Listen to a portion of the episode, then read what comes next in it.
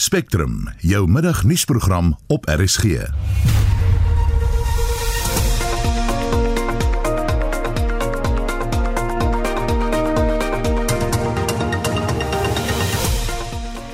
die program die konflik tussen Rusland en Oekraïne bly op die voorgrond. Ons hou jou op hoogte van die jongste en bied heelwat reaksie op die situasie. We are all terrified, confused, scared, united and brave, all in one cocktail. Putin verstaan die aard van kernwapens dat hulle waarde in hulle besit lê en nie in hulle aanwending.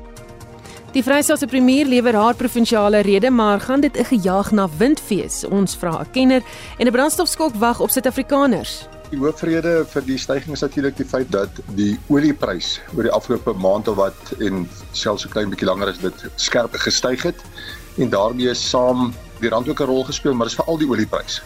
Span in die ateljee se redakteur Marlenae Forsie, produksieregisseur Johan Pieterse en ek is Susan Paxton.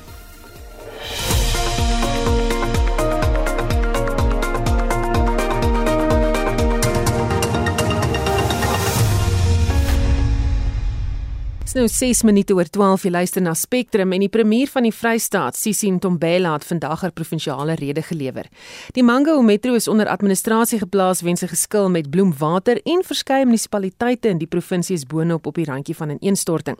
Ons praat nou met Dr Ina Gous van die Departement Politieke Studies en Regeringskunde aan die Universiteit van die Vrystaat vir haar indrukke. Goeiemiddag Ina. Goeiemiddag. So daar was sprake van betogings, enigiets daarvan gekom? Ja, daar was ehm um, van die concerned Mango and concerned uh, citizens wat ehm um, probeer het om die stadion te betree. Ehm um, maar dit hulle kon nie daarin slaag om uh, jy weet die die die staatsrede te onderbreek, ag die provinsiale rede te onderbreek nie. En wat het vir jou uitgestaan? Sy het ehm um, wel gefokus op die groot probleme in die provinsie wat uh jy weet infrastruktuur verval is en dienslewering wat nie gebeur nie, jy weet wat aan hand aan hand gaan en dan uh ook werkloosheid wat ook daarmee hand aan hand gaan en sy het ook nogal baie tyd spandeer aan um geweld teen vroue en kinders. En dan paaie watertoevoer is 'n groot probleem met water in die provinsie. Het sy enigiets daaroor gesê? Ja, dis dis deel van die geweldige infrastruktuur die severing probleme, die feit dat die Cedibeng ehm um, raad en en die organisasie ontbind het wat 'n groot dele van die provinsie uh jy weet van water voorsien um, en dan die probleme soos jy genoem het in van bloemwater wat nie betaal word deur die die metro nie. Sy het dit genoem, daar is uh planne wat hulle wil uh, inbring om dit uh, te, te herstel, maar ek moet sê dit was nie baie gedetailleerd nie en ehm um, dit saam met die swak jy weet, uh, infrastruktuur in die algemeen is in die provinsie 'n baie baie groot probleem veral in kleiner dorpe wat sonder water sit vir weke en soms maande, party jare aan een. So daar moet geweldige um jy weet spesifieke planne daaraan gewerk word. Sy het wel genoem dat sy nou 'n uh, in die provinsiale kantoor en haar kantoor in die premier se kantoor 'n staakspan gaan saamstel uit uh, verskeie ingenieurs en tegniese persone en IT persone wat ehm um, hierdie kwessies moet aanspreek. So ons gaan nou sien of dit iets gaan oplewer. So daar's nie daadwerklike planne uitgestippel nie. Is daar geld om enigiets te doen? Daar is begroot daarvoor en 'n mens moet ook onthou dat baie van die departemente in die provinsie nie hulle totale begrotings gebruik het nie. So dit was ook 'n groot probleem wat hulle sal moet aanspreek is en wat die oppositie elke keer uitlig is dat daar geld bewillig is, maar nie altyd spandeer word en presies nie soos dit moet nie. En natuurlik is korrupsie 'n groot probleem in die provinsie ook. En finansiële bestuur in die algemeen 'n 'n groot probleem. Uh, jy weet ons is uh, 'n provinsie wat baie sleg vaar wat wanneer dit kom by die verslaaf van die ouditeur-generaal. En uh, soos jy ook genoem het, baie van die uh, dorpe is onder administrasie, veral die metro self. En alhoewel sy dit genoem en uitgelig het, uh, jy weet, uh, kon mense nie regtig sien dat daar daadwerklike planne gaan wees om om om om dit aan te spreek. Tot hoe mate sal die politieke onstabiliteit in hierdie provinsie daartoe lei dat dienste nie verder gelewer kan word nie? Ek moet sê dit is dit, dit sal uh um eers duidelik word wanneer daar weer um gekyk word na leierskap in die verskeie uh, politieke partye veral in die ANC. Um binne die uh verskillende takke en die provinsiale leierskap en dan sal ons sien uh wie die, hoe die faksies met mekaar gaan omgaan en natuurlik die Ysmagashule faktor is altyd teenwoordig. Baie dankie en dit was Dr Ina Gous van die Departement Politieke Studies en Regeringskunde aan Universiteit van die Vrystaat.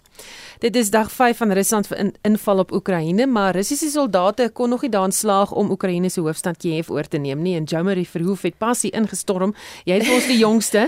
Ek het ja, uh, soos jy gesê het, dag 5 van die Russiese inval op Oekraïne, maar die aanslag duur voort al kon hulle nie Kiev oorneem nie.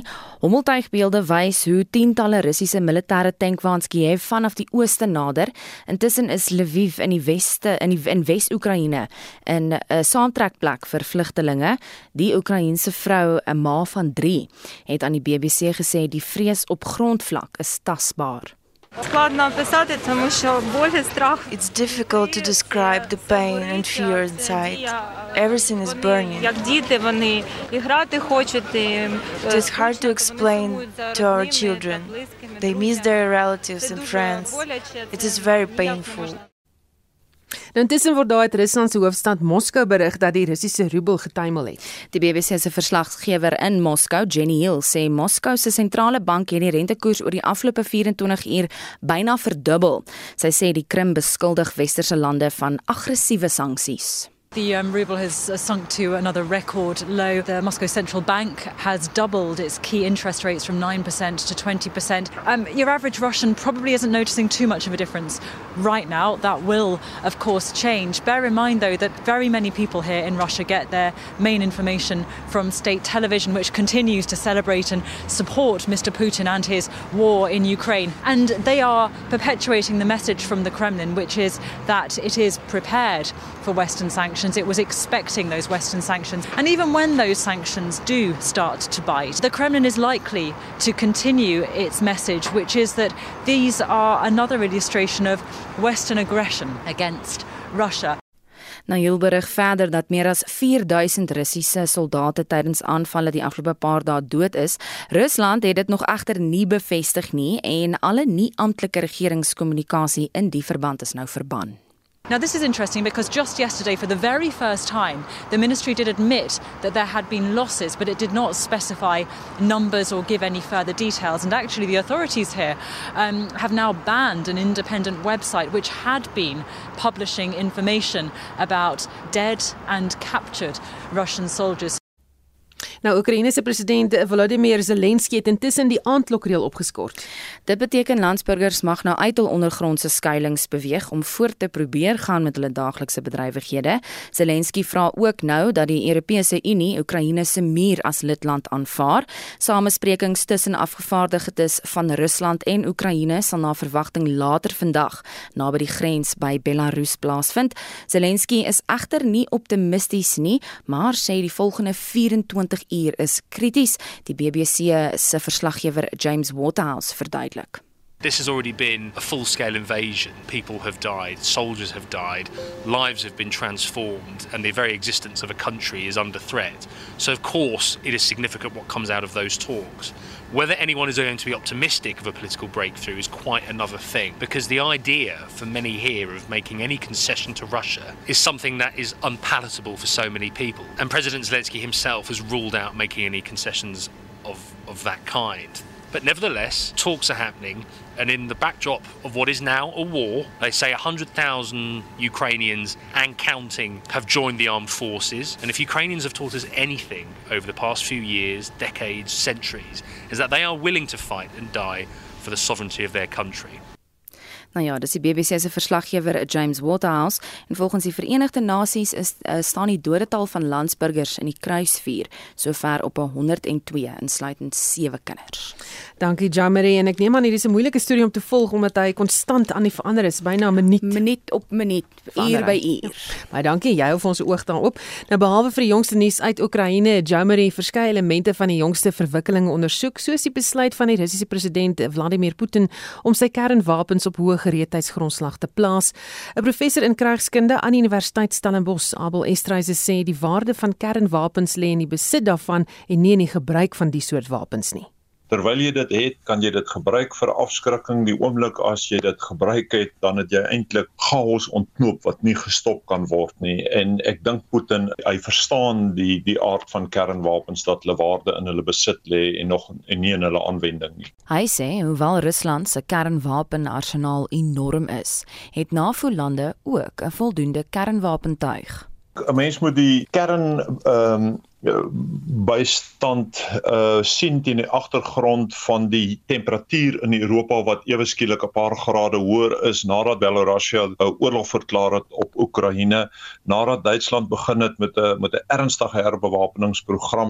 En dan moet mense dit ook sien teen die agtergrond van die feit dat Europa uh en NAVO ernstig begin het met die bewapening van die Oekraïne en dat hulle nou groot hoeveelheid wapens in die Oekraïne insit. Volgens Esterhuise is daar in die stadium geen aanduiding van hoe lank die oorlog sal duur nie. Dit hang af tot watter mate die die Oekraïne regtig daarin gaan slaag om die oorlog te neem na hulle bevolking toe wil ek amper sê om dit te omskep in 'n in 'n in 'n volksoorlog as ek dit so kan stel waar elke individu wat op straat loop eintlik 'n potensiële soldaat is wat 'n bom kan dra en tot watter mate toe hulle die Russiese leer kan verslaan nie met 'n enkele slag nie of met groot gevegte nie, maar deur om soos amper 'n muskiet elke dag te byt, te byt, te byt tot op die punt waar die Russiese weermag dit net nie meer kan hanteer nie. Dit lei uiteraard dikwels tot oorlogsmisdade aan die kant van Rusland. Dit het ons gesien in in Grozny en ander plekke waar hulle geweldig hartaandag met die bevolking omgaan. 'n Mens sal nie dit wil hê nie.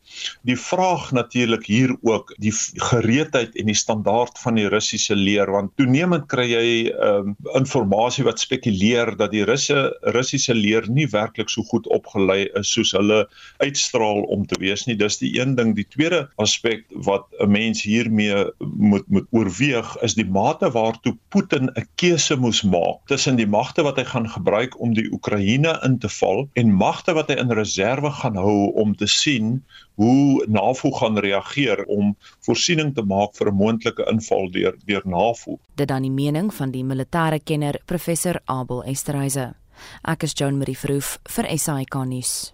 Nou intussen begin al hoe meer plaaslike organisasies ook op die situasie reageer. Die hoof van die Oekraïense Vereniging van Suid-Afrika, Olisia Loubser, het aan SAK gesê sy het nooit gedink Rusland sal Oekraïne inval nie.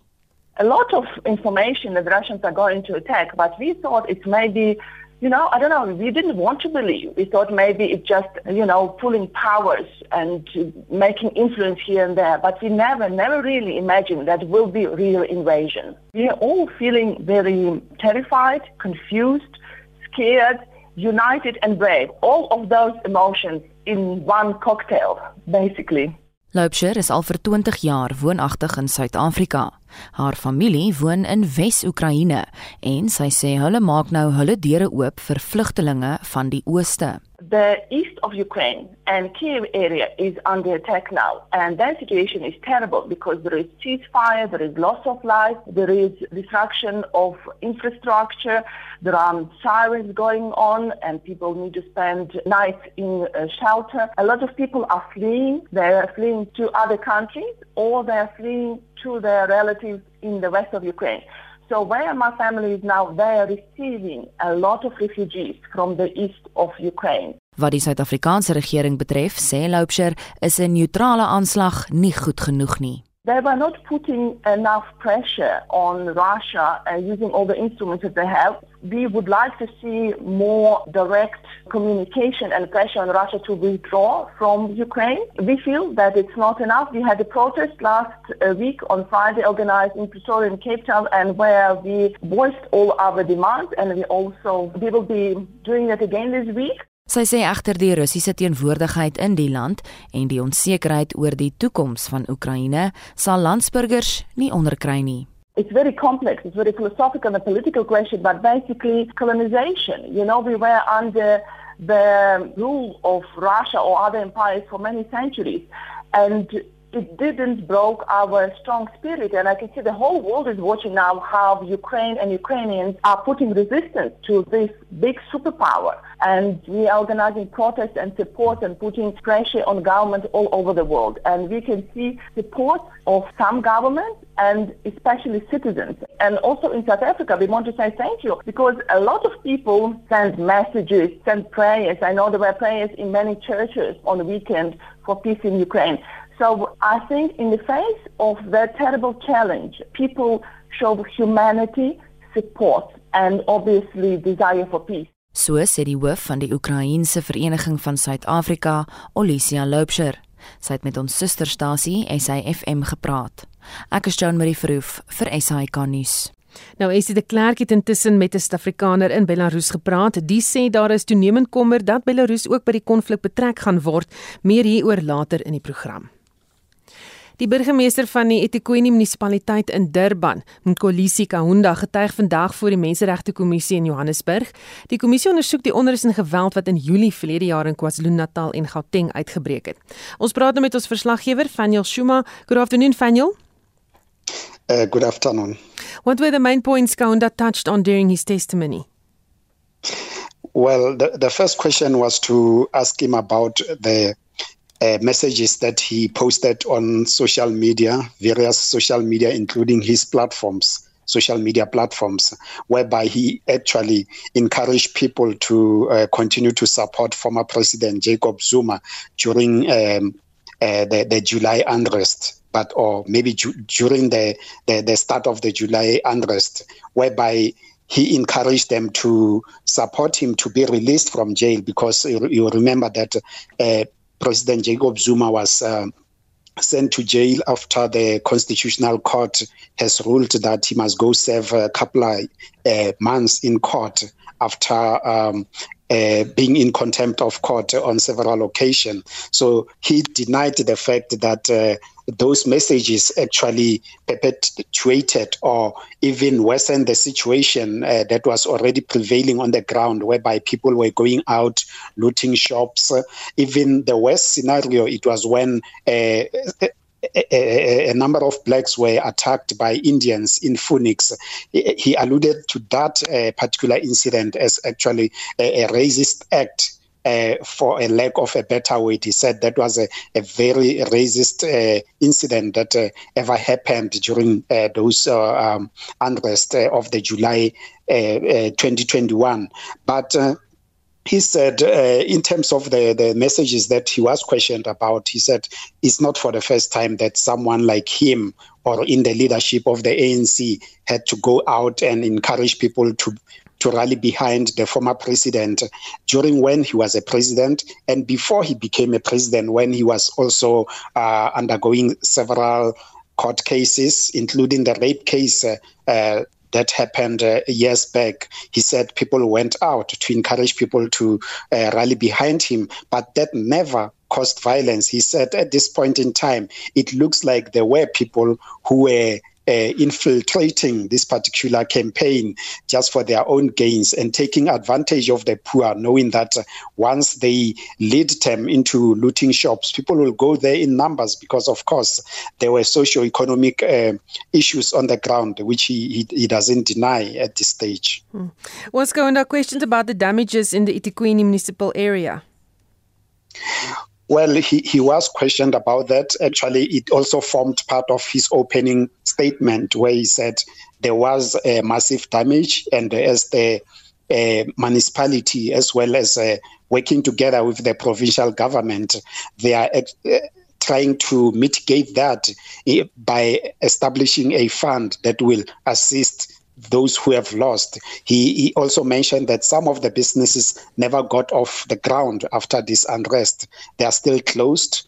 But he said what was done when uh, the, the, the COVID 19 pandemic started, where government funded businesses and small businesses for that matter, it must be done to businesses that lost their um, profit that lost their businesses during the unrest. A fund must be made available for that. Hmm. Um, just back to question one. So, was he denying that the protest was spurred on by support for former President Zuma? Uh, he also concurs that people were angry because of the court judgment that says a former president must be incarcerated. But what he's denying is that the messages that went out from the ANC leadership, including himself, were not inciting violence. Instead, they were trying to calm people down, but at the same time, uh, saying to the people, Lyk vir my ons het vir Faniel daar verloor, maar ons het daarom die punt gekry. Dit was ons verslaggewer Faniel Shuma wat die Menseregte Kommissie se verhore in Johannesburg bywoon. Die All Truckers Driver Forum sê hy hy steeds meer werksgeleenthede vir Suid-Afrikaanse vragmotorbestuurders in die sektor. Volgens berigte het die groep gister die N12 en N3 naby Germiston in Gauteng versper uit protes teen die groot aantal buitelandse vragmotorbestuurders wat in Suid-Afrika werksaam is. Sifiso Nyati van die ATDF ontken egter die beweringe. We never block the road. We never block the road. If there were such a thing uh, was happening, so those people they doing their own thing there. But the uh, ATDFS we propose to stay here from yesterday until today. Hy sê hulle ooreenkoms met die bedingingsraad bepaal dat die organisasie nie paaie mag versper nie. We want to block, block the way the road. We will stay away because we send our memorandum to back in the council. We have eight grievances that we raise. That as we, we remember, we raised that issue for foreign national. Back in the council must make sure they don't register any foreign national in in the council. And in the council as a structure in the, in the freight industry must make sure all the transport other bargaining countries. That's another issue. Number two, number three, we will not need we not need a camera inside of the truck because we sleep there, we work there, we need the private, and the employers will use that uh, camera on the best behavior. When they phone us, inside us about the work, no problem. But when our family phone us, if they targeted you, they use that phone, that, that, that camera to read you. They can store outside of the truck, not inside the truck. And marketing council must make sure this job is, is reserved for only South African. Nyati sê hy is gefrustreerd met hoe die media die organisasie se boodskap interpreteer. I don't know maybe how we can express, how we can explain this thing. I don't know, maybe you meet the people by deliberately, you, you twist the speech, or maybe you are misled by employers, or maybe government. Never said the people come with their trucks. That thing is happening to what we are saying as ATDS is happening to all countries in SADC and even to the world. You can't just go to school to do a job there without the demand. You understand? Here in SADC, as we said, that job for much reserved only South African. First of all, it is not a critical skill, it's a normal skill. And at Zimbabwe, not, uh, it's the same thing. Zambia, Malawi, even, even, even, even what's called uh, Namibia. So those people, they come with their trucks, no problem. We never said we not want foreign trucks in South Africa. No, they can come with their trucks. We, these trucks are for South African reservation, established in South Africa. It's normal skill for South African. We have unemployment, uh, unemployment rate is up. En dit was Sofie Sunyati van die ATDF wat die vragmotorbestuurders verteenwoordig wat vroeër met SAK nuus gepraat het. 'n Dringende Hooggeregshof aansoek deur die Padongelukke Fonds om te keer dat die ouditeur-generaal sy bevindinge bekend maak, is van die hand gewys. Die POF het daarop aangedring dat hy in die proses is om sy auditstelsel te verander van die internasionale finansiële verslagstandaarde na die openbare ouditeurstandaarde. Die ouditeur-generaal voer egter aan dat die besluit daartoe gelei het dat die POF sy laste van 300 miljard rand onderbeklemtoon het. Die bestuurshoof van die Padongelukke Fonds, Collins Letsoalo, wou nie reageer op vrae oor die kwessie nie. Well, you see, I'm not going to respond to the merit of the case.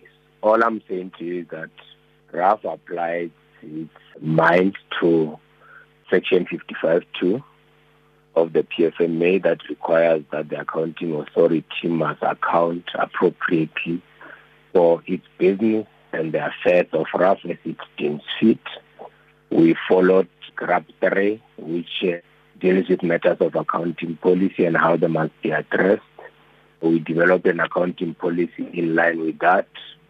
And we applied everything, including Directive 5 of the Accounting Standards Board. And that's far as it goes. So the outcome of any accounting policy would be how it's applied. It will be in line with the standards, and that's exactly what draft did. So I'm not going to go into the merits of the case or otherwise, because in our view, the matter is adjudicated, and that is what is coming from our legal representatives. So I am not going to go against the legal representatives because uh, the Hamus Senega said something or it feels differently. En dit was die bestuurshoof van die Pad Ongelukke Fonds, Collins Letsoalo wat vroeër met SAK nuus gepraat het.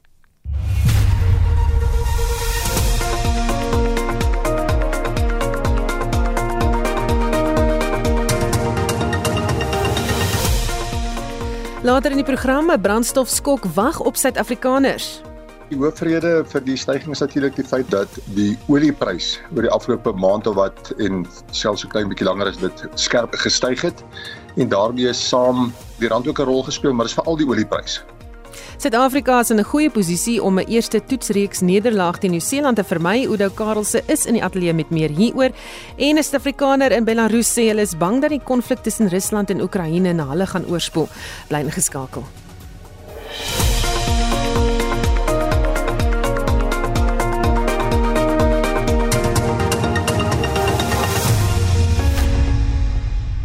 Die departement van minerale hulpbronne en energie het sy verbod op die kleinhandelverkope en verspreiding van brandstof in houers teruggetrek. Die besluit is onlangs in die Staatskoerant gepubliseer. En vir meer hieroor praat ons nou met die Suider-Afrika Agri-inisiatief se uitvoerende hoof François Rousseau. Um, Goeiemôre François. Goeiemôre Susan. Die verbod eh, was ingestel in reaksie op die Julie 2021 onluste. Wat was die impak hiervan op boere? Ja, kyk, uh, boere gebruik hierdie houers en en en diesel en petrol inhouers vir uh toerusting en en uh gereedskap en so wat hulle gebruik op die plase, vuur vuurwaans ensovoorts. So dit het dadelike impak gehad in in produksie op die plaas. En SAI het aanvanklik druk uitgeoefen op die departement om die verbod op te skort. Hoekom moes julle toe die hof nader? Kyk, ons het laas jaar 15 Julie, ehm um, toe dit gepubliseer is, het ons dadelik kapsie gemaak hierteen en die minister het uh, kort daarna gesê nee dat hy hierdie regulasies gaan wysig om juins voorsiening te maak vir boere. Want hierdie hierdie beperking was ingestel uh, gedurende die onluste tydperk as gevolg van die feit dat mense besig was om diesel en petrol te berg en dan die tweede een dit was 'n groot veiligheidsrisiko. En um, ons het gesê maar boere moet nog steeds kan toegang kry. En um, ons het reg deur die jaar van Julie laas jaar af tot in November uh, briewe uitgestuur en ehm um, finale aanmanings uitgestuur en ons moes toe in uh, Desember die 14de Desember moes ons toe 'n hooggeregshof aansoek uitreik om daarna nog steeds geen terugvoering of wysiging was nie. En uh laasweek Vrydag toe toe ons nou 'n datum gekry het of laasweek Maandag toe laat weet die minister vir ons nee, hulle gaan nie opponeer nie. Hy sal eerder net die regulasie terugtrek wat toe nou laasweek Vrydag gebeur het. So wat beteken die opskorting van die verbod nou vir boere? Dit beteken ek dink baie boere het maar in elk geval, jy weet, nog steeds hulle diesel en petrol en houers gaan koop um by by volstasies en baie volstasies het dit toegelaat, maar dit beteken nou maar net boere is nou nie meer kriminele omdat hulle dit doen nie. Um ek dink jy weet nou kan hulle dit doen met vrymoedigheid. Die rede hoekom ons voortgegaan het met die aansoek is want daar was nog steeds boere wat ons gekontak het uh veral uit KwaZulu-Natal en Mpumalanga wat gesê het oor hulle sukkel nog steeds by volstasies om hierdie um diesel en petrol en houers te kan koop. Um maar maar ja, ek dink daar was groot gedeeltes van die land waar dit nie 'n werklike probleem was nie. Baie dankie, dit was SAI se uitvoerende hoof Fransja Resou. Intussen wag 'n brandstofskok op Suid-Afrikaners. Die prys van petrol styg Woensdag met R1.46 per liter terwyl die dieselprys skerp met onderskeidelik R1.44 en R1.48 styg. Dis nou afhangend van die swaal inhoud. 'n Senior beleggingsekonoom by PSG, Dawie Klopper sê dit kan hoofsaaklik toegeskryf word aan die hoë oliepryse. Ja, die hoofrede vir die stygings is natuurlik die feit dat die olieprys oor die afgelope maand of wat en selfs so klein bietjie langer as dit skerp gestyg het en daarmee saam die rand ook 'n rol gespeel, maar dit is veral die olieprys wat 'n groot faktor op hierdie stadium is. Klopper meen dit is by verre die hoogste wat ons nog vir brandstof betaal het in Suid-Afrika. Ons het in 2008 en in 2014 ook gesien dat die randprys van olie skerp gestyg het, maar toe was belastings en heffings wat binne in die brandstofprys heers aansienlik laer as nou en as gevolg van hierdie kombinasie is skerp stygings in die randprys van olie en 'n klomp heffings wat oor die afgelope jare gestyg het, het nou die brandstofprys na hierdie nuwe rekordvlakke toe opgestoot en dit was 'n senior beleggingsekonoom by PSG Dawie Klopper. Die Automobielassosiasie sê op sy beurt dat die petrolprys op die lang duur die grootste impak op inflasie en armes sal hê.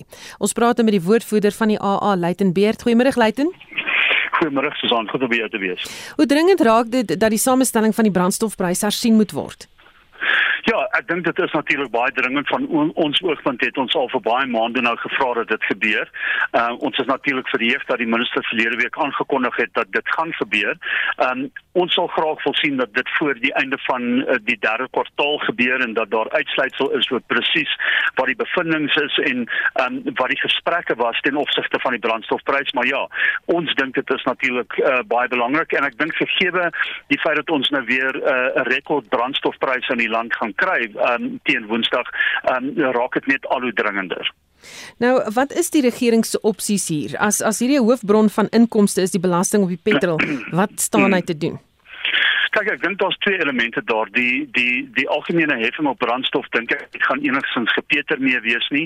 Uh dit is natuurlik 'n baie groot bron soos jy sê van van ehm um, van geld vir die regering en inteendeel ek dink dis die die vierde grootste bron van belasting wat hulle het. So ek dink nie daar's enige ehm um, sprake dat dit uit die weg geruim gaan word nie. As ons kyk na die padongeluksfonds, ja, daar on, ons sê nie dit moet weer ehm um, afgeskryf of geskraap word nie, maar is daar maniere waarop ons daarna kan kyk en dalk die pad padveiligheidsfonds uh, die instansie meer effektief kan maak. Ek dink daar is 'n probleem daar. Um, en dan is daar alle elemente ten opsigte van die basiese brandstofpryse en ons moet kyk of daar enigstens binne daai elemente enige um, plek is vir ons om om om te kyk na waar daar moontlike um, besparings kan wees. So um, ek ek dink nie die AO wil enigstens voorskryf nie, maar ek dink die hersiening van die brandstofprys behoort na alles te kyk en indringend na alles te kyk met die oogte op dat daar wel elemente is waar waarna ons of of wat ons dalk kan um, soos in, on, ons in Engels sê tweak uh, om hulle koste-effektief te maak. En met alles wat nou in die wêreld gebeur het, ons nou al 'n idee hoe die brandstofpryse in April kan lyk. Weet jy, ek dink enige enige ehm um, enige voors, voorskatting oor wat gaan gebeur in April gaan baie spekulatief wees. Ehm um, uh, daar sal natuurlik uh, hoër uh, oliepryse wees in die kort termyn. Ons het dit al gesien. Ek dink uh, die die fatjie Brent is nou reeds oor 101 dollar. Ehm um, so daar gaan bewegings wees. Teen hoe mate dit oor 'n maand se tydperk gaan uit average weet ons nie en dit is hoekom ons nie gaan sê ja, daar gaan 'n groot verhoging of 'n groot verlaging wees in in April nie. Dit is ietsie waar wat ons moet wag en sien hoe daai syfers oor oor die oor die volgende paar weke uitspeel. Baie dankie, dit was die woordvoerder van die AA, Luitenbeerd.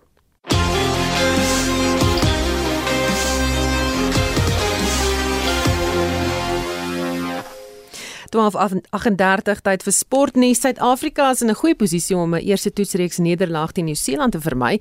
Teen uitskeidtyd op die 4de dag in Christchurch het die Proteas reeds 4 van die tuisspan se paaltjies platgetrek in die tweede kolfbeurt, dit nadat hulle teiken van 426 lopies eh, opgestel het en die paaltjiewagter Karl Verheyen sy eerste toets honderdtal aangeteken het wat wonderlike nuus is.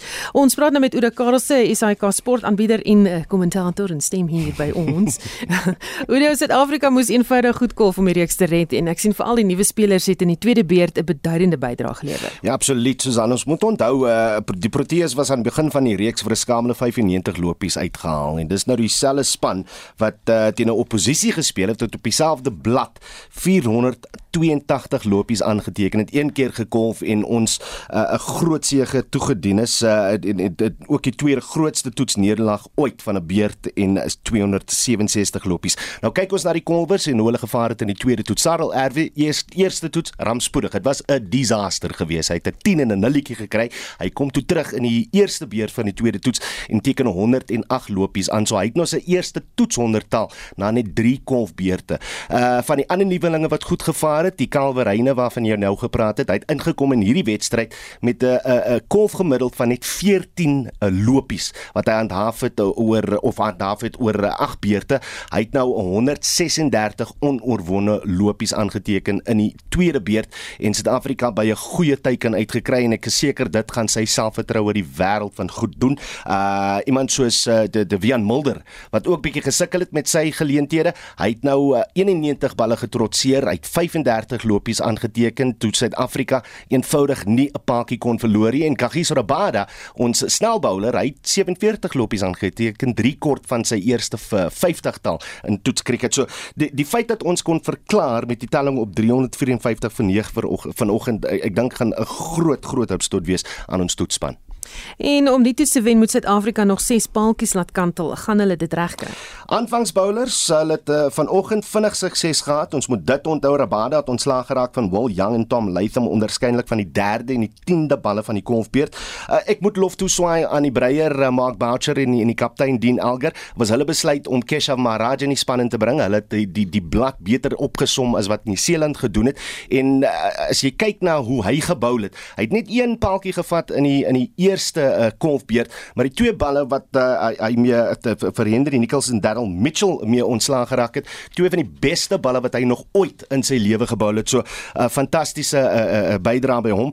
Uh, al die druk is op Nieu-Seeland. Uh, die groot struikelblokke is Devin Conway is in Johannesburg gebore, speel die beste uh, toetskriket in sy lewe op die oomblik vir Nieu-Seeland. Hy's op 60 nie uit nie en die mannetjie wat in die eerste beurt sy eerste 100-taal 'n uh, toets 100-taal aangeteken het, Colin de Grandhomme.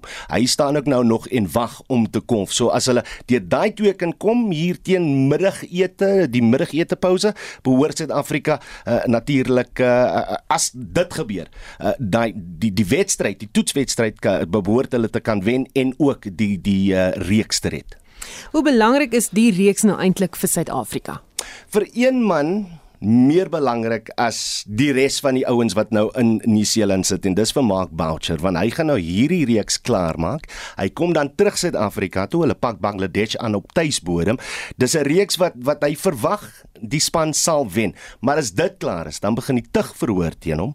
En en die klag staan teen hom met niks te doen met die spelpyl van die Proteas nie en alles te doen met oor of hy oor die jare rassistiese neigings getoon het teenoor uh die mense met wie hy gewerk het. So ek is seker nadat ons nou India op tuisbodem geklop het en en hulle is teen daai tyd was die beste toetsspan in die wêreld. Ons nou oor see in die Seeland toe teen die die toets wêreldkampioene in die Seeland. Hy kom nou terug met 'n hopelike 'n gelykop telling en vir my soos ons in die inleiding gesê inleiding gesê het eh, dat eh, Suid-Afrika eerste reeks nederlaag teen die Seeland te uh, gaan voer. As dit gebeur, kom hy terug en gaan hy seker voel dat hy bietjie onvervangbaar is voor hy te uh, verhoor begin. Baie dankie. Dit was Udel Karel se SAK sportaanbieder en kommentator.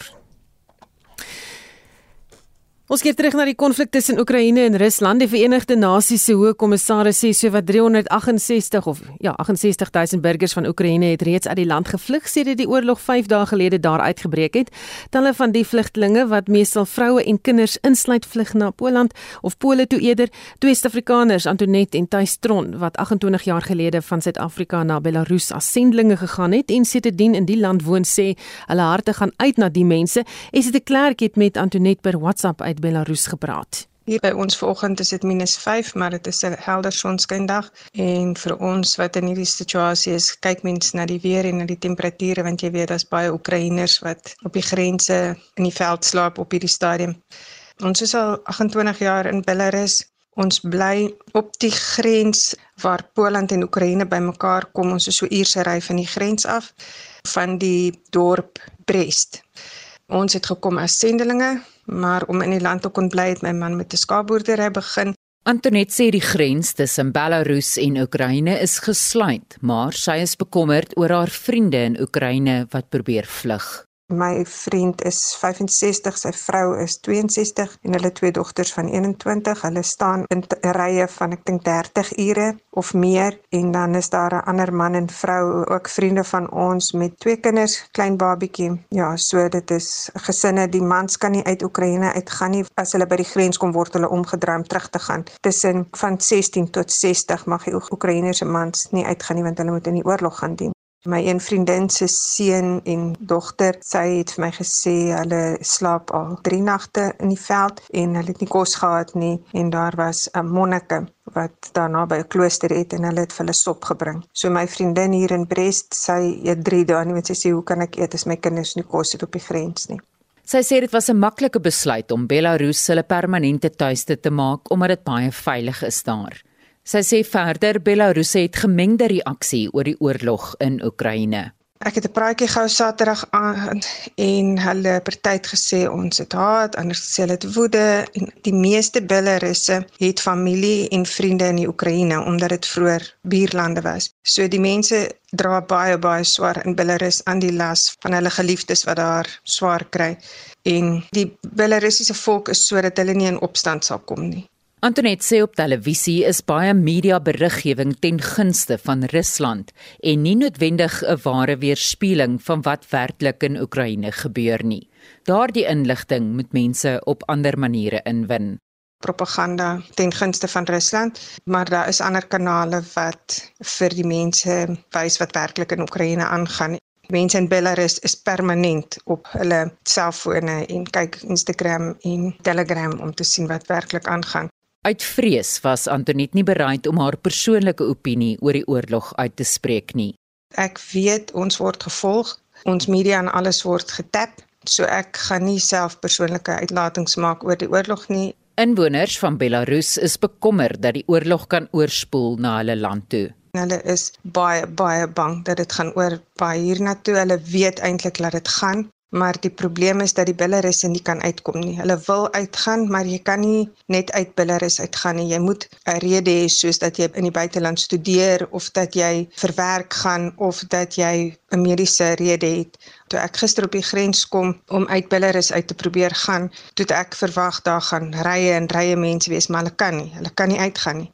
So dit is vir my baie ontstellend dat baie sou wou uitgaan, maar hulle kan nie.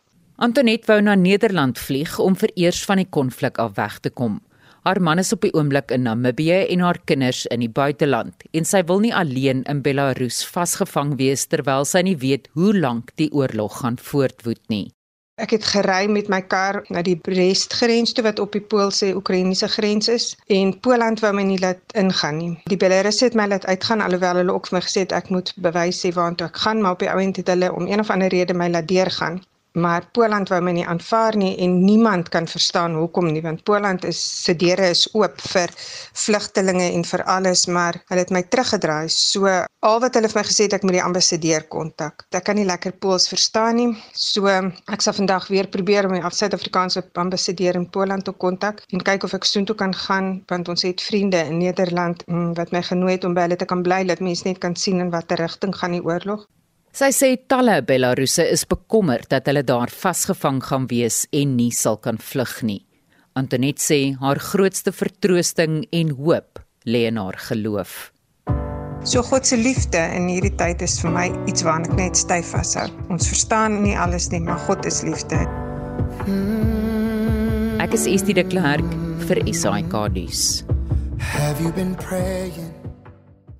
Soos die intensiteit van die konflik styg, word 'n wispelturige week vir veral Europese markte voorspel en vir meer nuus uit die sakewêreld, sluit Netjie van der Merwe, portefeuljebestuurder by Netbank Beleggings nou by ons aan. Goeiemôre Netjie.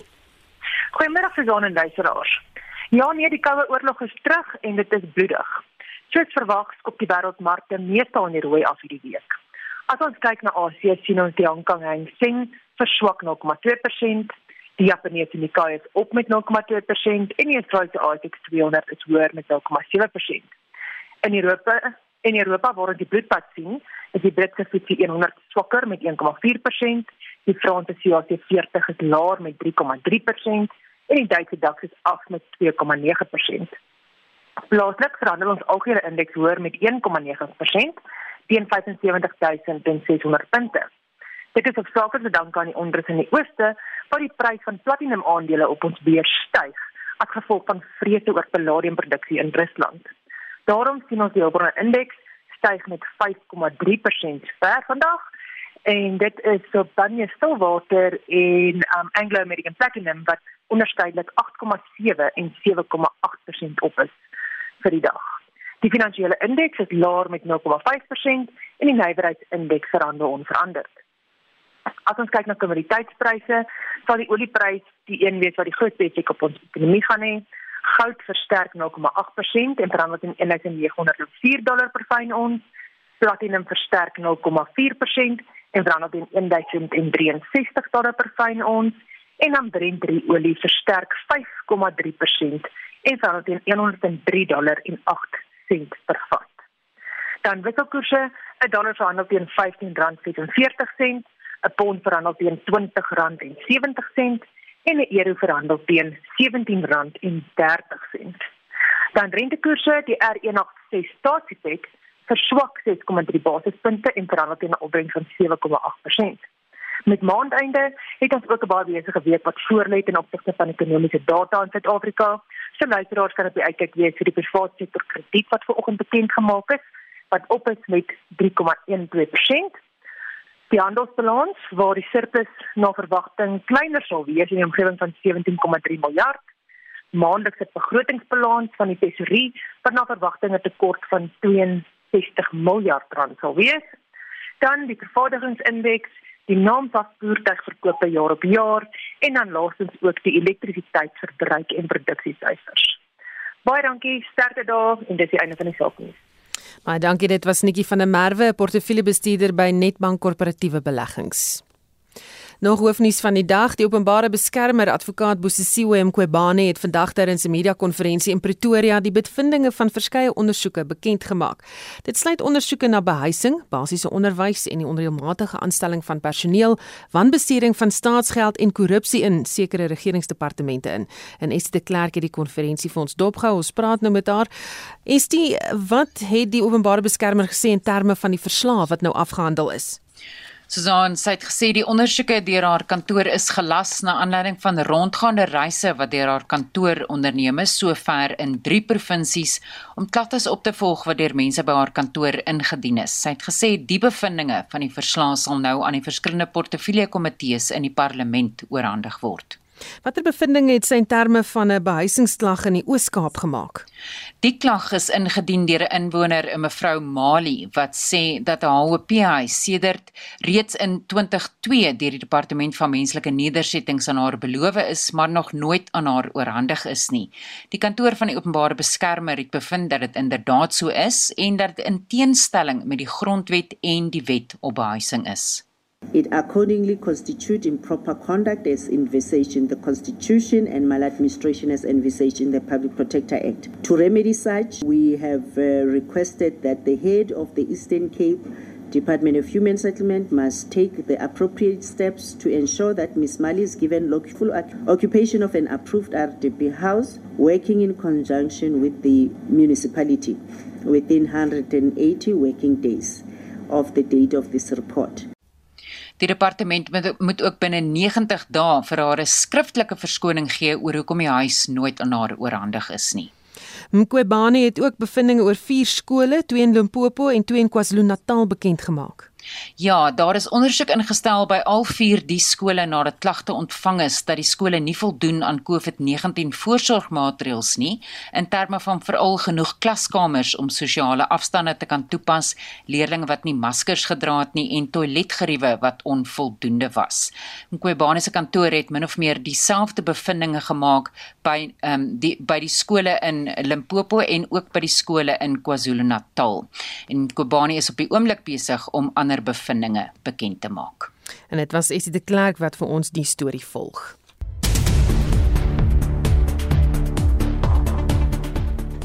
Jamari is weer terug in die ateljee met 'n nuusopsomming van die afgelope uur se nuus.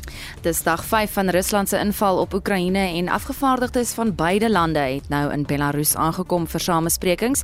Die BBC verslaggewer in Oekraïne is James Waterhouse. The idea for many here of making any concession to Russia is something that is unpalatable for so many people. And President Zelensky himself has ruled out making any concessions of that kind. But nevertheless, talks are happening, and in the backdrop of what is now a war, they say 100,000 Ukrainians and counting have joined the armed forces. And if Ukrainians have taught us anything over the past few years, is that they are willing to fight and die for the sovereignty of their country.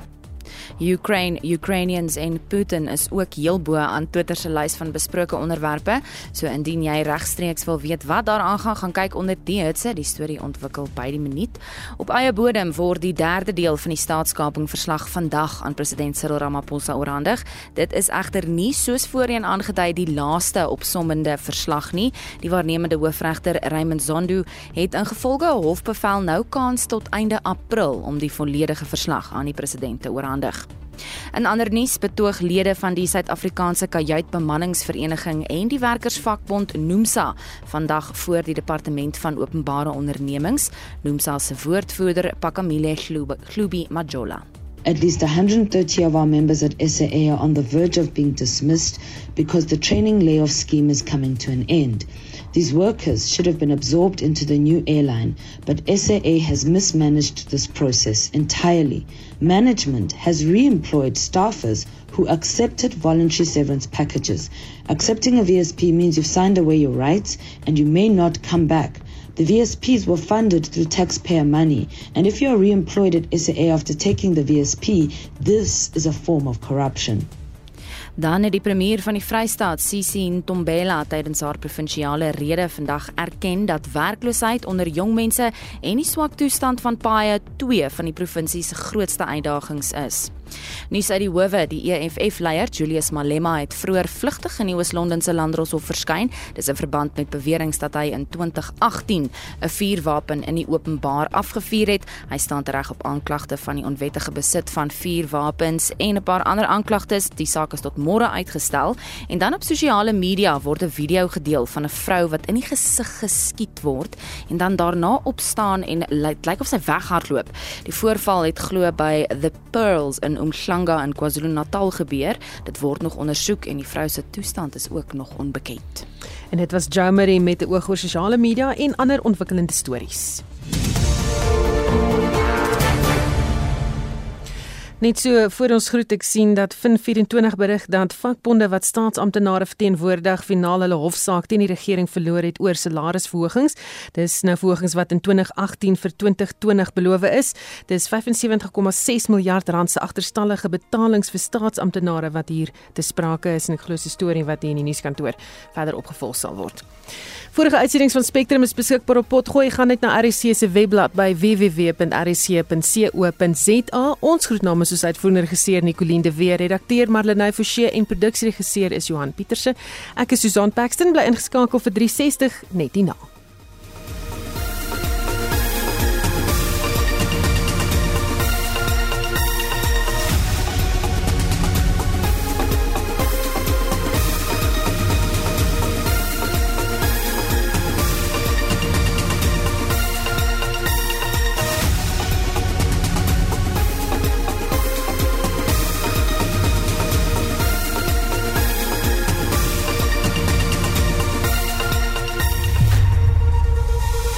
SAK nuus.